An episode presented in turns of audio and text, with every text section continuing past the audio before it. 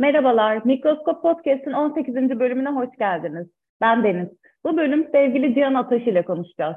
Cihan Bey'in yayınlanmış bir belgeseli var. Bu sıralarda gelecek belgesel projeleri üzerine çalışmakta.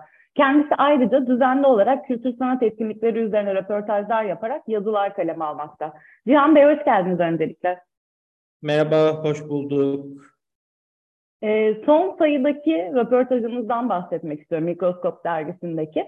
Bu sayıda son sayıda Tallinn Oda Orkestrası'nın Estonyalı şefi Tony Kalista ile konuştunuz. Bu nasıl gerçekleşti? Neler yaşadınız? Şimdi ben şöyle e, her hafta bir klasik müzik etkinliğine gitmeye çalışıyorum. Klasik müzik seviyorum. E, bu da bir rastlantı eseri karşıma çıktı ve röportaj yapmak istedim. E, iş sanatla da e, çalıştığım Medraskop'un bir işbirliği vardı. Onun vasıtasıyla e, bir röportaj gerçekleştirdik ve e, Grammy ödüllü olduğundan dolayı e, şef e, bugüne kadar yaptığım kültür sanat röportajları arasında en çok okunan röportaj oldu. Ve güzel cevaplar verdi. E, ve e, depremden dolayı kendisinin konseri ertelendi. Ama 2 Mayıs Salı günü e, İş Sanat'ta kendisi çıkacak. Tekrar e, geliyor Türkiye'ye. 2 Mayıs Salı günü e, isteyenler gidebilirler. Süper. Ee, biraz da belgesellerinizden bahsedelim. Bu aralar üzerinde bir çalıştığınız bir belgeseliniz var. Ne hakkında? Neler yapıyorsunuz? Şimdi benim belgesel noktasında e, uyguladığım strateji veya uygula e, üstünde çalıştığım alanlar genelde toplumsal konular ve toplumdan dışlanmış insanlar ve e, toplumumuzdaki azınlık grupları. Bu azınlık gruplarından bir tanesi de e, Caferilerdi yani Şialardı. Şialar e, Türkiye'de çok bilinmeyen bir grup. Bundan dolayı Şialar üzerinde çalışmayı öngördüm ve bunun üzerine bir çalışma gerçekleştirdik. E, bunun için Iğdır'a gittik. Çünkü Iğdır'da e, Şii nüfusu çok fazla. Iğdır, Ardahan, Kars. E, İstanbul'da da özellikle Halkalı bölgesinde e, çoğunlukla yaşamaktalar. Bu bölgele e, Iğdır'a gittik. E, Iğdır'dan sonra Türk İstanbul'da, e, Halkalı'da ve Bağcılar'da röportajlar gerçekleştirdik. E, yani Türkiye'deki azınlıklara e, önem veriyorum ve ve ilgi çekeceğini düşündüğüm konular üzerine gidiyorum. Bundan sonraki e, aşamada, bundan sonraki yapmak istediğim e, belgesel ise Adana Yahudileri ile alakalı bir belgesel. Mesela Türkiye'de Adana'da Yahudi yaşadığını kaç insan biliyor? Bilmiyorum. Ben bilmiyordum. Hiçbir fikrim evet. yok. Ve e, Adana'da sinagog var. Adana'daki Adana'da bir sinagogun olduğunu bile kimse bilmiyor. Çünkü güvenlik gerekçesiyle tabii kaygılı güvenlik kaygılarından dolayı bu sinagog gizli tutuluyor. Yeri belli değil ama yeri belli ama tabii ki be, e, o cemaatin insanları biliyorlar ve şey e, devlet görevlileri biliyorlar. Bunun haricinde bilen yok. Normal halk bilmiyor. Ee, Adana Sinagogu ve Adana bölgesi mesela Adana e, bölgesi İskenderun, Gaziantep, Kilis, Hatay bölgesinin de bağlı olduğu merkez. Onun için önem arz ediyor biraz. Ee, ama Adana'da şu anda 17 kişi kalmış durumdalar ve 17 e, kişiden sonra da e, Adana'daki Yahudi nüfusu bitecek. Çünkü genç bir nüfus yok artık. Hepsi 70 e, yaşın üzerinde. 17 kişi kaldı. 17 kişiye yani ulaşmaya çalışıyorum. ulaşırsam Adana Yahudiliği Yahudileriyle ilgili bir belgesel yapmayı düşünüyorum. Bu da e, toplumumuz için, bizim için bir belge olarak kalır ve güzel bir şey. Yani çünkü çok fazla insan bilmiyor. Zaten kaybolacak bir şey. Yani e, 10 sene içinde e, Adana'da yaşayan Yahudi nüfusu kalmayacak. O kesin. bundan sonra da elimizde bir doküman olarak kalır. Araştırma yapmak isteyenler bundan faydalanabilir. Bu şekilde Adana Yahudileri var. Ee, farklı bir e, yine Yahudilikle ilgili bazı e, yapmak istediğim olaylar var. Bunlar şu anda ki ikinci projem Adana Yahudileri diyebilirim size. Çok çok kıymetli proje. Gerçekten tebrik ederim. Ee, yayınlandığında da e, izlemek isterim. Çok çok enteresan buldum. Peki Türkiye'de belgeselcilik ne durumda sizce? Son yıllarda televizyon içerikleri dışında dijitalde de işler üretiliyor aslında. Bu belgeselcilerin işini biraz kolaylaştırdı mı ya da seyirciye artık daha da kolay ulaşabiliyorlar mı? Ne düşünüyorsunuz bununla ilgili? E, kesinlikle e, çok kolaylaştı. Yani güzel bir telefonla, iyi küçük bir kamerayla çok iyi işler çıkartabiliyorsunuz. Yani çok büyük ekipmanlara gerek yok. Çok büyük ekipmanlara gerek yok. Sadece e, insanlarla iletişiminiz iyi olmalı. Ve gittiğiniz takdirde insanlar zaten size olayı anlattığınız zaman veriyor, cevaplarını veriyorlar.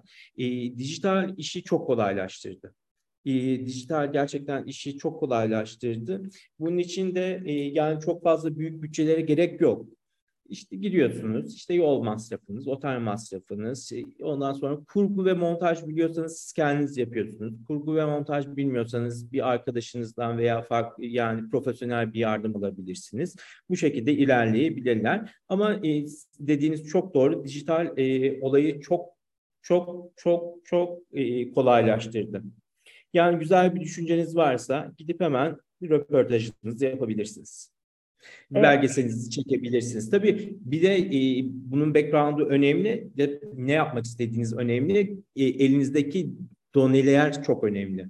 Yani karşınızdaki insana bilmediğini, bilmediğiniz bir konu hakkında belgesel yapıyorum deyip de bir şey ortaya da boş bir şey çıkartabiliyorsunuz ama bu da önemli olan tabii bilgiye bilgiye haiz olmanız ve bu bilgi bu, bu, bu bilgilerle de insanlara sorular sorup belgeselinizi oluşturmanız. E, aynı şekilde kültür, kültür sanat gazeteciliği de daha önce birkaç medya grubunun tekelindeydi çok yakın zamana kadar. Ama dijitalleşmeyle işte şu an yaptığımız podcast'te, YouTube'larla, işte internet gazeteciliğiyle biraz daha alan tanındı diyebilir miyiz? Çünkü kültür sanat direkt böyle gazetelerde en önemsiz köşe olan bir noktadaydı ama şu anda biraz gelişme var diyebilir miyiz sizce? Siz bu alanı bilen biri olarak. Şimdi benim background'um e, zaten sanattı. E, sanat background'undan geliyorum. Sanat ortamlarında çalıştım. Bir dönem Kanada'da yaşadım. Kanada'da Montreal Film Festivali'nde Film, Film Festivali'nde çalışıyordum. Orada da e, yani kültür sanat ortamının nasıl olduğunu gördüm. Şöyle diyebilirim. Yani Türkiye'de e, bu çağdaş sanat e, dediğimiz nokta 20 yılla 22 yıl arasında dayanıyor. Yani e, bundan 20 yıl önce Türkiye, İstanbul özellikle İstanbul büyük bir destinasyon noktasıydı. Kültür sanat noktasında. İnsanlar kültür sanata yatırım yapmaya başlamışlardı. Gençler ilgi duymaya başlamışlardı. Bunun en büyük örneklerinden biri de mesela galeristtir. Galerist Türkiye'de bir çığır açan bir e, sanat galerisiydi ve galeristen sonra Türkiye'de birçok şey değişti açıkçası. Murat Plevneli yaptı bunu. Murat Plevneli gerçekten de küçük, Nişantaşı'ndaki küçük bir e, galeriden çıkarak büyük bir galeri yaptı ve o zamanlar e, Mısır Apartmanı'na taşındı. Mısır Apartmanı'na taşındığında sanatçılar ona biz burayı nasıl dolduracağız Murat Bey diyorlardı. Ama ne oldu? E, sanat gelişmeye başladı. Genç nüfusun da, genç insanların da e, katkısıyla birlikte e, sanat ortamı hızlı bir şekilde gelişti. Yani 2020, 2010, 2012'lerde pik noktasını yaşadı. Türkiye'de çok güzel şeyler oldu. O zamanlar İstanbul Avrupa'nın da ve dünyanın da destinasyon noktalarından biriydi. Türkiye e, Türkiye çok önemli established markalar çıkarttı. Özellikle kadın sanatçılarda, erkek sanatçılarda. Kadın sanatçıların başında Anşa Erkmen geliyor mesela. Füsun Onur geliyor. Ondan sonra e, İnci in, e, ondan sonra İnci Eviner geliyor. Canan Tolon geliyor. Erkeklerden Taner Ceylan diyebiliriz. Bunlar e, geliyor e, ve Türkiye'de sanat ortamı yavaş yavaş gelişti. Ancak son beş yıldır durma noktasında çok fazla bir şey çıkartamıyor. Mesela e, ortama baktığımızda ne göremiyoruz? Tamam galeriler var. Şu anda galerileri görüyoruz. Ama Türkiye'de ne yok mesela? Şu anda sırf fotoğraf galericiliği yapan bir galeri yok mesela. Hmm. İlginçtir. Doğru. Bir tane vardı. E, Sinem Görük yapıyordu. E, Elipsis galeriydi. Elipsis de kapattı. O da e, zannedersem bir e, 8 yıl önce kapandı. Ve mesela fotoğraf üzerine e, fotoğraf üzerine yapılacak yapan bir fotoğraf sadece fotoğraf satan, sadece fotoğraf galericiliği yapan bir galeri yok. Ama diğer taraftan e, tabii e, fotoğrafın da içinde olduğu e, karma sergiler yapılıyor. Yani bu bir eksiklik mesela. E, şimdi e, sizin dediğiniz e, gazetecilik noktasında ise e, Türkiye'de işte sanat dünyamız vardı, Edebiyatlı Varlık Dergisi vardı, Art Unlimited dergisi çok önemli bir dergiydi. Bu Art Unlimited dergisi de esasında e, bunu da galerisi çıkarttı. E, Galeris kendi adına bir dergi çıkartmaya başlamıştı ve e, e, çok güzel bir baskıydı ve büyük e, boyutlarda Kenzo kağıda basılmış. E, 60 gramdı hatta çok net hatırlıyorum bunları. E, çok güzel bir dergi çıkarttı. Bu dergi e, sonradan e, insanların ilgisini çekerek farklı mecralara yönlendi. Art Unlimited dergisi oldu. Şimdi de Unlimited olarak devam ediyor zaten. Unlimited Ark olarak da internetten e, takip edebilirsiniz. Burada tabii dijitalleşmede şimdi argonatlar çıktı, farklı e, alanlar çıktı. E, yani insanlar takip ediyorlar çünkü insanlar e, kültür sanatı artık ya nasıl anlatayım yani bunu tam cümleye koyamıyorum ama insanlar e, kültür sanatı kendilerini var etmek için kullanmaya başladılar diyebilirim. Hmm. Eskiden böyle değildi. Eskiden böyle değildi. Eskiden biraz daha bu işin e, bu taş, bu elin e, bu taşın altına elini koyanlar işin içinde vardı. Ama şimdi daha da değişti. Ortam değişti. Biraz daha farklılaştı. Artık insanlar kendilerini var etmek için, kendilerini göstermek için de sanat, kültür sanatı kullanıyorlar. Kullanmıyor değiller. Bu çok bariz bir şekilde belli.